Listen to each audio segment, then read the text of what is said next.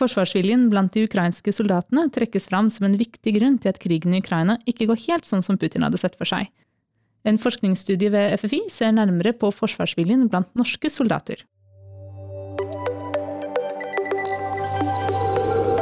Ugradert, en podkast fra Forsvarets forskningsinstitutt.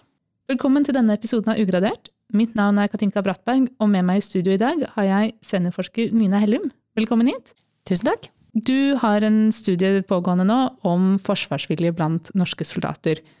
Og da tror jeg vi aller først er nødt til å bare få høre litt om hva er egentlig forsvarsvilje? Hva, eller hva består det av? Ja, det er eh, litt sånn eh, mangefasettert eh, begrep, egentlig. Jeg har gått inn og sett litt på definisjoner, men jeg tror, jeg tror vi skal se litt bort ifra det. Nå er dette en studie som er pågående. Så det kan hende jeg lander ned på, på noen ulike typer begrep etter hvert, altså på definisjoner etter hvert av begrepet. Uh, men til nå så tenker jeg at det, det handler mest om, um, om motivasjonen for å kjempe for noe og for å forsvare noe. Uh, og min studie handler, er jo på soldater, så det handler jo om militær sammenheng. Da. Så hva er det som gjør at man militært har vilje til å forsvare eller kjempe for noe? Mitt spørsmål har jo vært som soldat så skal jo du i ytterste konsekvens være villig til å faktisk uh, ofre eller ta liv. Og da spør jeg om uh, hva, hva er det som gjør det verdt det for deg? Hvem er det du gjør det for? Så der er det mitt spørsmål om forsvarsskillet ligger. Og, sånn at dette handler jo da om en, hver enkelt soldat sin indre motivasjon eller følelser. Hvordan kan dette måles? Ja, nå vet jeg ikke helt om det bare handler om indre motivasjon og følelser, for jeg tenker at det handler om ganske mye påvirkning utenfra også. Jeg som antropolog tenker mye på sosiokulturelle aspekter f.eks., så det er jo ikke bare indre motivasjon, det kan være hvordan samfunnet rundt deg påvirker også. Så er det hvordan måle, da. Ja, igjen, som antropolog så er ikke jeg så veldig opptatt av å måle ting. Eh, jeg er mer opptatt av å, å studere fenomenet og intervjue og, og spørre uh, intervjuobjekter eller spørre informantene mine hvordan de selv opplever sin situasjon. Uh, og hvordan de selv uh, forholder seg til et fenomen. Det fins jo kanskje andre som, som måler dette på, på, ulikt vis. Men jeg, altså, jeg, har, jeg, har, ikke målt det, og jeg kommer ikke til å måle det. Men det, det kan nok hende at andre studier gjør det. Men din studie vil likevel kunne klare å si noe om hvordan eh, det står til med denne forsvarsviljen. Ja, det vil i hvert fall si, si, noe om uh, hvordan mine informanter uh, oppfatter dette. Og forhåpentligvis kan det bety noe for, for andre også. Det, det, har med å kunne dykke litt dypere ned hos noen for å kunne si noe mer om et større fenomen. Og hvorfor forsker egentlig FFI på dette her? Vi har et prosjekt som heter CSPY på avdeling totalforsvar som uh, står for uh, Cyber Social Propaganda and Influence. Som handler om uh, påvirkning i det som kalles informasjonsdomenet. Eller informasjonsmiljøet, tror jeg vi kaller det. Som egentlig er dette med sosiale medier, men også kanskje andre måter på internett. Jeg liker kanskje enda bedre å kalle det digital, digital påvirkning. Eller digital interaksjon, digital atferd, digital sosialisering osv. Så, men, men, vi forsker på det, for det er uh, noe vi ser uh, Påvirkningsoperasjoner kan påvirke hvordan vi forholder oss til lojalitet, tillit til egne myndigheter, og også kanskje egne ledere innenfor militær og forsvar. Så vi mener jo at det har noe å si, da. For vår operative evne. Mm, og da er jo det store spørsmålet her, da, hva, hva er det du har funnet ut så langt i, i, studien din? Hvordan står det egentlig til med forsvarsviljen blant de norske soldatene? De soldatene som jeg har uh, intervjuet uh, Nå har jeg holdt på med dette siden 2008. Så studien den, jo, den er jo nå mer offisiell studie nå. Men datainnsamlingen har jo foregått over veldig mange år. For du har stilt spørsmål om forsvarsvilje blant intervjuobjekter i tidligere studier også? Ja. Har, eh, dette spørsmålet har jeg stilt siden 2008, siden jeg har liksom vært ute på feltarbeid og ute i militæret blant, eh, blant, soldater. Jeg er jo tidvis ute og, og, bor med soldater på kaserne eller på lugar. Eh, og er sammen med dem kanskje en uke eller to, og så intervjuer jeg dem etter hvert. Og dette spørsmålet om hva hva soldater er villige til å kanskje ofre og ta liv for. Det er et spørsmål som jeg har stilt, og har et emne jeg har eh, vært opptatt av eh, lenge, og har snakket med, med informanter om i felt. Um, og så har jeg da fra 2017 antageligvis, eh, cirka, så eh, begynte jeg å få dette spørsmålet med formelt i intervjuguidene mine. Selv om jeg kanskje forsket på noe litt på siden. Men stort sett når det handlet om motivasjon for tjeneste, så har jeg hatt med det spørsmålet. Eh, og så har jeg jo sett en endring, da. Det er interessant. Hva, hva er det som har endret seg? De første årene så handlet det veldig mye om svarene var veldig individbaserte. Eh, det handlet om det nære. Svarene var blant annet 'dette gjør jeg for kompisen i skyttergrava', eller 'mamma', eller 'dama er der hjemme', eller nå etter hvert også kanskje typen der hjemme. Og etter hvert så har det kommet mer opp sånn rundt kanskje 2014 og litt etter, så har jeg fått mer svar som har vært mer verdibaserte når det gjelder samfunnsmessige ting. Da svarer folk mer for det vi har i Norge, for Norges verdier osv. Så, fokuset har skiftet seg litt fra liksom det nære individet til mer det kollektive samfunnet og, og, verdiene? Ja, jeg har sett en endring der. Og, men det betyr ikke at, at svarene, er, svarene, er, fortsatt også på det nære. Men i tillegg så er det også dette med hva vi har i Norge, og norske verdier, og jeg liker, liker det vi har i Norge, og, så videre, og det vil jeg beskytte. Og, og i forlengelse av dette, er, er forsvarsviljen høy blant de du har snakket med? Sånn jeg oppfatter det, så er den jo det. Det handler jo også om at uh, i dag så er jo de som selekteres uh, inn til førstegangstjeneste i dag, er jo i høy grad motivert. Det tas jo inn noen som ikke er motivert. De få som ikke er motivert for tjeneste som tas inn i dag, er jo i, også i grad, stor grad høytpresterende personer som, som har kanskje gode skoleresultater, og som har, er, har drevet aktivt med idrett, f.eks. Så det er ganske høytpresterende folk som da ikke ønsker å tulle til uh, førstegangstjenesten sin, som da presterer godt også, og er veldig motivert for å gjøre en god tjeneste. Og det, det, det ser jeg at de Dette med motivasjon for tjeneste ser ut til å uh, også ha noe å si for uh, forsvarsviljen, da.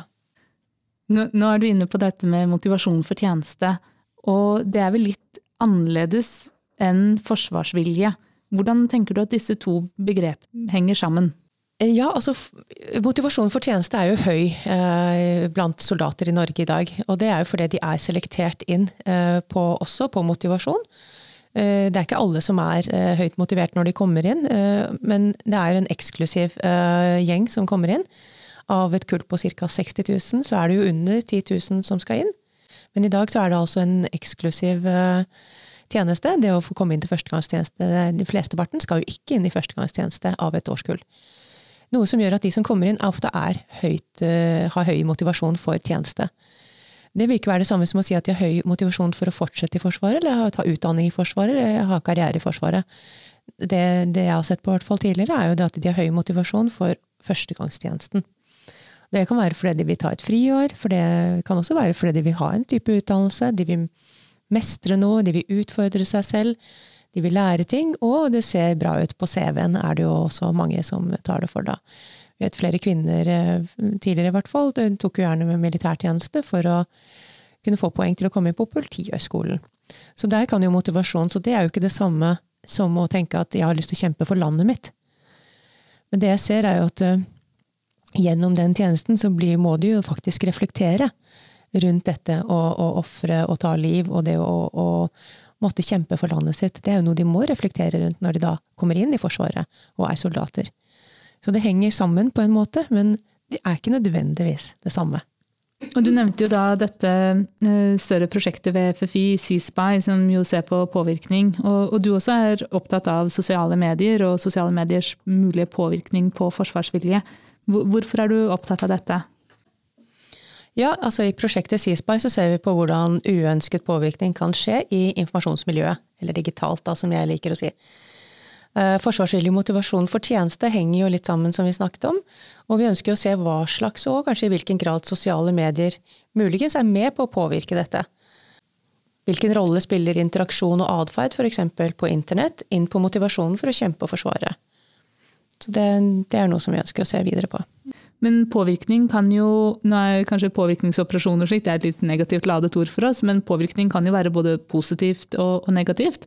Har du gjort deg noen tanker, eller har du en hypotese om sosiale mediers påvirkning på forsvarsvilje er negativ eller positiv, eller naturlig nok kanskje en blanding, men hva tror du har mest, eh, mest å si? Ja, nei, jeg tror det er helt avhengig av situasjonen, og det er helt avhengig av hvem som ser. Eh, jeg vil jo tro at eh, Russland og Ukraina f.eks. ser veldig ulikt på ulik type påvirkning på hverandre. Jeg tenker at det, det avhenger av ståsted. Hva som er god påvirkning for én side, er kanskje negativ propaganda for en annen. Så det, det kommer nok litt an på. Men jeg tenker hvis, hvis, vi skal se for oss at sosiale medier kan påvirke forsvarsviljen til noen, kan sosiale medier da være et verktøy for å øke forsvarsviljen, eller å redusere den? Jeg tror det kan være begge deler. Vi har jo eksempler fra Ukraina og Russland på at sosiale medier eh, kan i hvert fall ha hatt en sterk virkning. Ukraina har jo vært eh, veldig gode også på å bruke Eh, visse sosiale medier veldig bevisst for å eh, øke en sånn positiv innstilling blant soldater, og også kanskje sivile, eh, for å støtte opp under deres motstandskamp. Jeg har sett mye på TikTok, blant annet, og særlig i februar og mars var det jo var Min TikTok-feed var jo full av, av, av små snutter om Ukraina, fra Ukraina. Eh, og alle som jeg fikk i min feed, eh, handlet jo om støtte til Ukraina. Eh, og det, det kunne være Jeg tror det var, kunne bare være reelt innhold, og det kunne være fiktivt innhold, men, men, det var laget med tanke på å støtte Ukraina. Og bygge opp en, en Kanskje tillit til, til, de som driver med krigføringen der, men også, også for å kanskje lage støtte fra utlandet til Ukraina. Eh, og da har du jo videoer som da er eh, På TikTok er jo et ganske kraftig virkemiddel, fordi du har jo eh, både bildebruk, og så har du ofte musikk som er tilsatt, som styrker jo en følelse. Eller er i hvert fall ment for å gjøre det. Har du noen flere eksempler på hvordan sosiale medier kan påvirke forsvarsevne? Vi har eksempler fra krigen i Ukraina nå, hvor NRK Beta f.eks. de hadde en reportasje der de hadde laget noen profiler. De hadde laget to ulike profiler av unge menn, som, hvor den ene var russisk og den andre var ukrainsk. Hvor de eh, tilla dem eh, geografisk bosted eh, rett ved ukrainsk-russisk grense. Så det vil si at de bodde nært hverandre, så geografisk var de nært. Og ellers var profilene nesten helt like. Og så gikk de inn og så på hva slags type innhold som ble sendt til dem på TikTok. Uh, og da så de at uh, til tross for at profilene var helt like, de bodde helt nært hverandre osv., så, videre, så sendte algoritmene, var tydeligvis laget og styrt slik, at uh, disse profilene ble tilsendt ganske ulikt innhold. Nå husker jeg ikke helt tallene, men av flere hundre, kanskje tusenvis av snutter som ble sendt til dem, så var, var bare tre eller seks var de samme. Eller så fikk de veldig ulikt innhold. Og det er jo interessant i seg selv å se hvordan hvordan eh, algoritmer og hvordan det kan være styrt hva du får av informasjon, eh, og hvordan det kan dytte oss inn i en polarisert verden. Hva slags um, innhold var det de fikk, da? Hva var det som var forskjellig? Jeg tror det var Det husker jeg ikke helt konkret, men jeg tror det handlet om at den russiske profilen fikk tilsendt mye mer useriøse videoer mer, eh, som spilte mer på humor og latter og sånne ting. Og så var det den uh, ukrainske fikk jo mer innhold som handlet om krigen, blant annet. Det er, jo, det, er, jo, da lett å forstå at den ukrainske soldaten som får dette liksom, seriøse krigsrelaterte innholdet i feeden sin, at det kan bidra til å styrke forsvarsviljen. Eh, men den russiske soldaten, som da får morsomme videoer og, og litt mer sånn tull og, tull og tøys, kan man ikke si at det da er med på å påvirke den soldatens moral negativt? Burde han ikke fått uh, krigspropaganda, han også?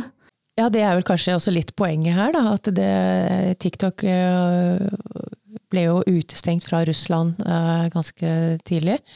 Så det, det, var vel det var bare noen få som fikk tilgang. Og det er jo det de fikk tilgang til, var jo da ikke propaganda fra egne myndigheter. Så algoritmene var jo ikke styrt slik at den russiske soldaten fikk eh, innhold som uh, russiske myndigheter ønsket at uh, han eller si han, Vi er vant til å si han eller hun, men i dette tilfellet er det nok gjerne han, da. Kunne fått. Det man kan si med det å, å sende sånn det som kan oppfattes som litt sånn useriøst innhold, kan jo være med på å faktisk være en distraksjon. Eh, for den russiske soldaten. Det å, å føre eh, tankene hans bort fra, eh, bort fra, sin egen elendighet og, det, og det, å være kritisk til det som skjer, så kan det være en slags distraksjon fra det. da. Brød og sirkus. har, du, har du noen flere eksempler på hvordan sosiale medier har hatt en effekt på militære enheter tidligere?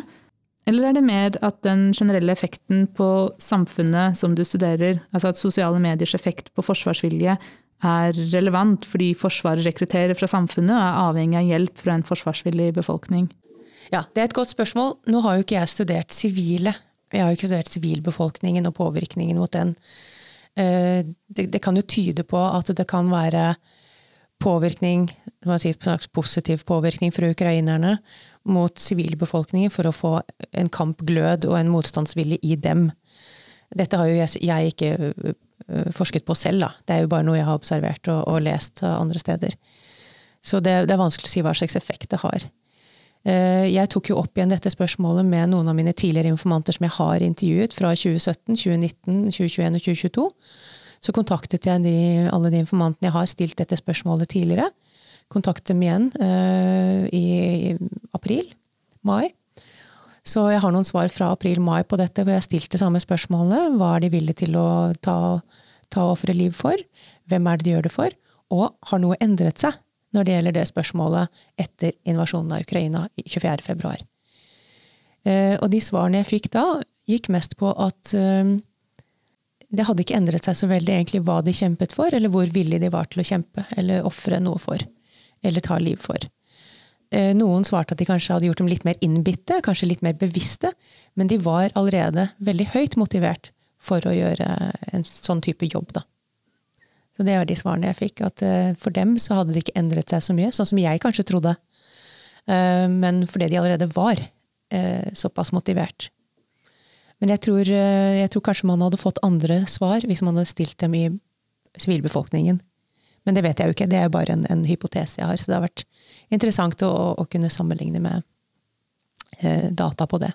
Mange lyttere har kanskje tenåringer som konstant sitter på Snapchat eller TikTok eller andre sosiale medier. Og vi aner jo ikke hva som foregår inni hodene deres. Og hvis vi spør, så får vel foreldre som oftest bare et grynt eller et litt oppgitt blikk tilbake. Hvordan klarer du egentlig liksom å Du har sagt at du ikke vil måle noe, da, men hvordan kan du klare å, å studere sosiale mediers effekt på, på soldatene? Det er også et godt spørsmål. Eh, nok en gang, jeg er jo ikke så opptatt av dette med måling. Eh, det jeg ønsker er jo å studere fenomenet. Og, og dette med tenåringer, så er det ikke sånn at vi er inne i hodet på verken soldater eller andre. det er jo ikke det vi skal måle. det jeg spør om, er jo hva de selv oppfatter. oppfatter de selv at de blir påvirket? Oppfatter de selv at det har noen effekt på dem? Det er jo, det er jo den metoden jeg kan ha, da. Så får andre gå inn og måle det de ønsker å måle. Men det har jo noe med å få, få det vi skiller fra i antropologi, vi skiller mellom emisk og etisk forståelse. Hvor emisk det handler om begreper som uh, de du studerer, selv bruker. Mer, um, det er mine informanters begreper, mine informanters forståelse av et fenomen, av en situasjon. Da bruker vi deres begreper og deres forståelse. Og så kan den etiske vil da handle om å kanskje sette dette mer i en vitenskapelig eller akademisk eh, sammenheng. Og analysere det på en litt annen måte, ta det litt bort fra, fra selve situasjonen. Så mitt perspektiv vil jo alltid være å prøve å se ting fra det emiske perspektivet, og se det fra de jeg intervjuer, eh, eller de jeg forsker på, mine informanters perspektiv.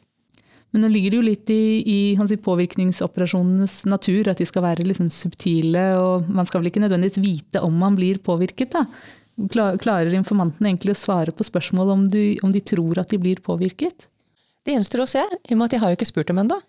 Dette er jo en pågående studie, så dette er jo ting jeg kommer til å spørre om. Uh, og jeg tenker at uh, det, kommer til å være en del runder uh, på hvilke spørsmål jeg skal stille, og hvordan. Eh, for det er jo som sagt i hvilken grad er man bevisst på at man blir påvirket selv? Og det, det er jo et spørsmål jeg allerede har i, i, den, i de studiene jeg har hatt nå. Jeg forsker også på digital sikkerhetsbevissthet blant militært personell og rekrutter og, vernepliktige når det gjelder bruk av smarttelefoner, apper og sosiale medier. Og der har jeg jo stilt spørsmålet bl.a. ved hvordan de selv oppfatter om de kan være et påvirkningsobjekt. Om eh, de har reflektert noe rundt eh, at de kan være en sikkerhetsrisiko selv, osv. Og, og hva slags svar får du på disse spørsmålene? Det, det, er jo litt forskjellig, da. Litt forskjellig svar på det. Uh, og det, det, det, jeg ser at det kan være en viss Jeg er ikke helt ferdig analysert på den studien heller. Det er også en pågående studie. De henger sammen. Men i den studien så, så ser jeg i hvert fall noen øh, antydninger til at øh, særlig de unge rekruttene f.eks. har jo da kanskje reflektert i særlig mindre grad øh, rundt sin egen rolle og sin egen sikkerhetsrisiko, sitt eget sikkerhetsrisikopotensial. Um, enn de som kanskje har vært mye lenger inne, som er militært ansatte f.eks., som har kanskje levd med disse problemstillingene og har måttet reflektere rundt dem på en helt annen måte. I tillegg så ser jeg jo ut fra svarene eh, Jeg har jo vært på fire feltarbeid med denne forrige studien, da. Eh, og i Sjøforsvaret. Så jeg har vært to ganger på fregatt, og en gang i rekruttleir og en gang med kystvakt. Og det jeg ser, er jo at eh, svarene også preges litt av hva slags type avdeling man er på, hva slags type fagbakgrunn man har. Hvor på båten f.eks. jobber man. Jobber man inne i radioen eller inne i sitsen, der hvor det er eh, gradert eh, informasjon som flyr gjennom veggene? Eller jobber man i maskinrommet f.eks., hvor det er færre ting som er gradert, eller som er sensitive? Og det, ut fra svarene jeg får, så ser det ut til at, eh, at det kan ha en påvirkning på sikkerhetsbevissthet også. At de som omgås med gradert informasjon jevnlig og i, i det daglige, de er mer bevisst enn en de andre? Ja, det uttrykkes i hvert fall det. Altså de, hva, altså jeg har jo ikke målt dem, så hva som er akkurat faktisk atferd, det er vanskelig å si. Eh, men, men, det er inntrykket, ja. Eh, og jeg har også spurt dem hva de tenker om dette spørsmålet selv. Tror de selv at det er noen forskjell når det gjelder kanskje kjønnsbakgrunn, fagtilhørighet, eh, avdelingstilhørighet og sånn, når det gjelder sikkerhetsbevissthet? Og da er det jo noen som mener at ja, alder har kanskje noen å si. Så de yngre de mener jo kanskje at de eldre ikke er så gode på dette her, og de eldre mener jo kanskje at de yngre ikke er så gode på dette her. Det ser man jo litt, men også at de som da har en fagtilhørighet som, som gjør at de ofte reflekterer rundt sikkerhetsbevissthet fordi eh, de driver med graderte ting, f.eks., eller sensitive ting. De eh, nevner jo ofte at de som ikke gjør det, kanskje har en lavere sikkerhetsbevissthet enn dem selv. La, la oss gå litt tilbake igjen til, til dette med forsvarsvilje. For man kan jo se for seg at i en moderne krig der man har eh, svært eh, effektivt, hvis man kan kalle det det, utstyr, man har tankser, flyvåpen, du har båter, du har geværer og alt dette her, all den militærteknologien som gjør krigen på mange måter kanskje litt mer upersonlig enn, enn det man har sett for seg tidligere. Hvorfor har egentlig da forsvarsvilje noe å si?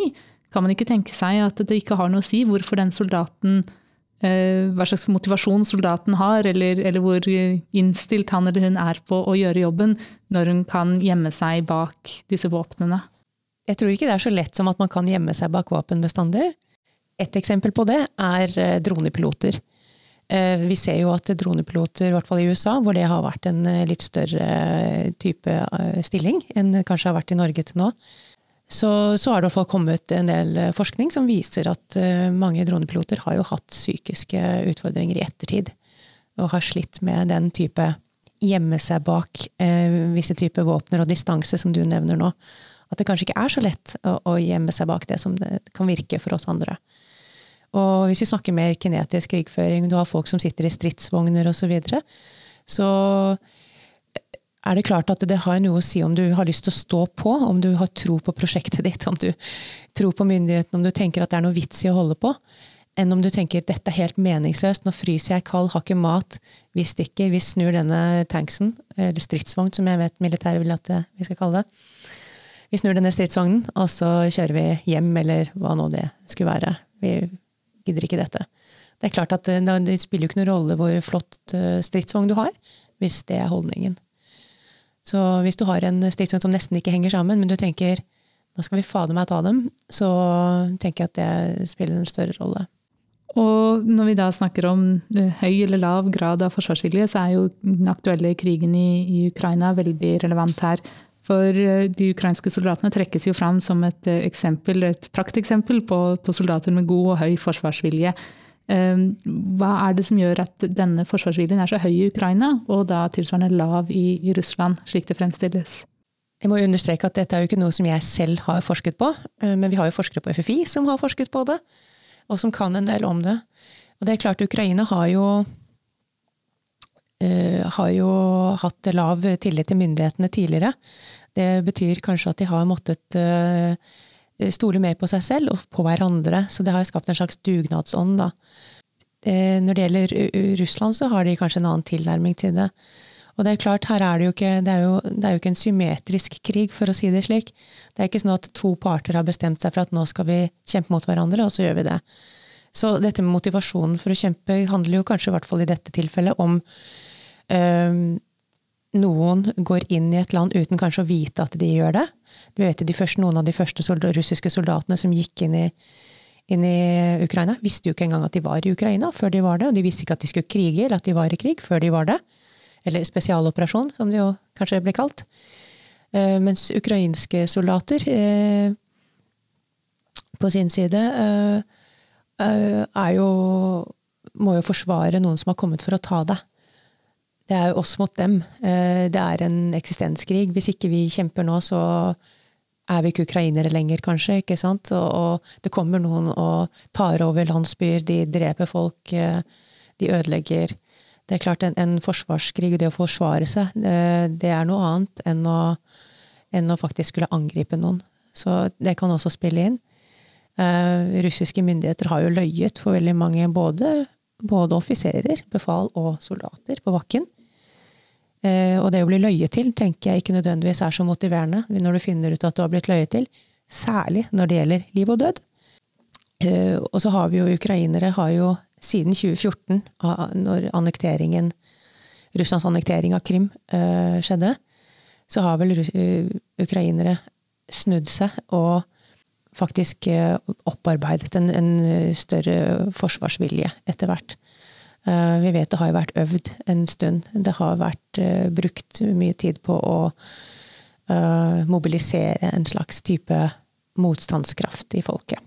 Men forsvarsviljen i, Ukraina har jo ikke alltid vært, eh, vært, så høy sånn som den er i dag. Eh, I en meningsmåling eh, som sjefsforsker Tor Bukkvold her ved FFI, som er Ukraina-ekspert, han har vist til en meningsmåling som sa at i 2012, som var ti år siden, så var kun 30 av ukrainere villige til å ta opp våpen for å forsvare landet sitt. Og da lurer jeg jo på, er det egentlig mulig å si noe om forsvarsvilje før man blir satt i en situasjon der man er nødt til å ta et aktivt valg, da?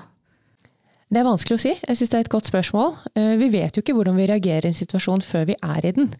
Og teori og praksis er jo to veldig forskjellige ting. Eh, det er jo vi i antropologi veldig opptatt av. Det å, å, være i felt er noe helt annet enn å lese en bok om feltet. Eh, og det klart, og det å, å trene på og øve på å være i en situasjon er noe helt annet enn å faktisk være i den. Og det er jo sånn nordmenn, vi har jo trent på krig lenge, men kanskje ikke opplevd den, heldigvis ikke opplevd den på egen jord, da, siden 45. Men vi har jo hatt norske soldater som har vært i krig og konflikt i, i utlandet. Så vi har jo noe, noe erfaring på det. Uh, og så kan man jo spørre hvor er forsvarsviljen når du drar ut av landet for å forsvare noen andre? Går det an å si noe om hva som er de største truslene mot forsvarsviljen blant norske soldater i dag? En av de største truslene mot forsvarsvilje vil jo kanskje være negativ påvirkning av tillit til myndighetene. Eh, og også tillit vi har til hverandre i samfunnet. Jeg tenker at polarisering av ulike miljøer i samfunnet kan, kan være en veldig negativ påvirkning. Så at vi nordmenn vi kanskje opplever at vi har ikke et felles prosjekt lenger. Vi, vi går opp mot hverandre, og den type polarisering vet vi jo at det er eh, Eh, vi har ulike aktører selvfølgelig som ønsker, eh, ønsker, å se en sånn polarisering i det norske samfunnet. En destabilisering av, eh, av norsk tilhørighet og norsk tillit. Og Slik at vi er et velfungerende demokrati. Det er det andre som ønsker at vi ikke skal være, og ønsker å påvirke retning mot det. Og da kan jo sosiale medier og påvirkning i sosiale medier være med på å polarisere en debatt, f.eks. Ulvedebatt og bompengedebatt og ja, vet ikke, mange typer debatter som får opp temperaturen i Norge, kan jo være ønskelig fra andre å hete opp enda mer. Eh, for å polarisere, sånn at vi står på hver vår side og ikke føler den samme tilhørigheten. Jeg tenker Det er en ganske stor trussel mot, mot forsvarsvilje. På hvorfor skal å Hvorfor skal vi gidde å forsvare noe hvis ikke vi syns det er veldig fint å forsvare? Uh, og det er jo noe som jeg har sett når jeg har sett uh, på disse Jeg har noen hypoteser om hvorfor forsvarsviljen, slik jeg ser det hos mine informanter, har endret seg fra å være ganske individualistisk fokus til å være et mer fellesett. Da er det nettopp det å liksom ha tro på jeg ønsker å kjempe for Norges verdier, det vi har i Norge. At det er viktig for mine informanter. Det kan bli mindre viktig hvis eh, de mister troen på eh, myndighetene, hvis de ikke ønsker å være en del av samfunnet, hvis ikke de føler at Norge er et felles prosjekt vi har, så vil jo ikke Norges verdier være viktig for dem lenger. Så påvirkning av det, eh, og det, jo, det skjer jo kanskje ikke på ett sekund, men det kan skje ganske fort. Og det kan, det, en slik endring i et samfunn kan, kan skje. Også gjennom sosiale medier. Det er ett et virkemiddel for å oppnå en sånn virkning. Um, og du sier at dette er jo en studie som er pågående nå. Når er det du har tenkt å være ferdig med, med dette arbeidet? Jeg har ikke noen sluttdato for selve, selve, studien. Eh, jeg tenker at den vil være pågående i og med at jeg har holdt på med å, å, samle inn data på dette lenge. Og kommer til å fortsette det fremover. Uh, I dette CSPY 2 som vi driver og planlegger nå, så er det også planlagt en sånn aktivitet som den studien her skal fortsette. Og, og, hvis vi får det til, og hvis det gir noen eh, interessante resultater, så forhåpentligvis vil det fortsette over tid fremover. Det er jo noe med det datamaterialet jeg har, har jo vært samlet inn over lang tid, så det er jo litt sjelden å ha sånn type, et sånn type materiale. Og, og, helt til slutt, hvordan tenker du da etter hvert at Forsvaret eller norske myndigheter kan bruke den kunnskapen som du kommer fram til i, i denne studien? Hva, hva, bør, hva bør de gjøre? Ja, hva de bør gjøre er jo å finne ut eh, hvordan kan man øke robustheten. Eh, for jeg tenker Forsvaret bør tenke helhetlig rundt eh, potensielle trusler som f.eks. motarbeidelse av norsk forsvarsvilje kan være. Så hvem er det som ønsker å påvirke norsk forsvarsvilje i en negativ retning? Og hvor, hvordan ønsker de å gjøre dette her, hvis det er noen som gjør det? Det vet vi allerede at det er. Og hvordan kan vi opparbeide robusthet mot en sånn type påvirkning? Så jeg vil også nevne at påvirkning er jo alt. Alt er påvirkning. Vi påvirkes av alt rundt oss. Eh, så det vi snakker om, er jo uønsket påvirkning. Negativ påvirkning.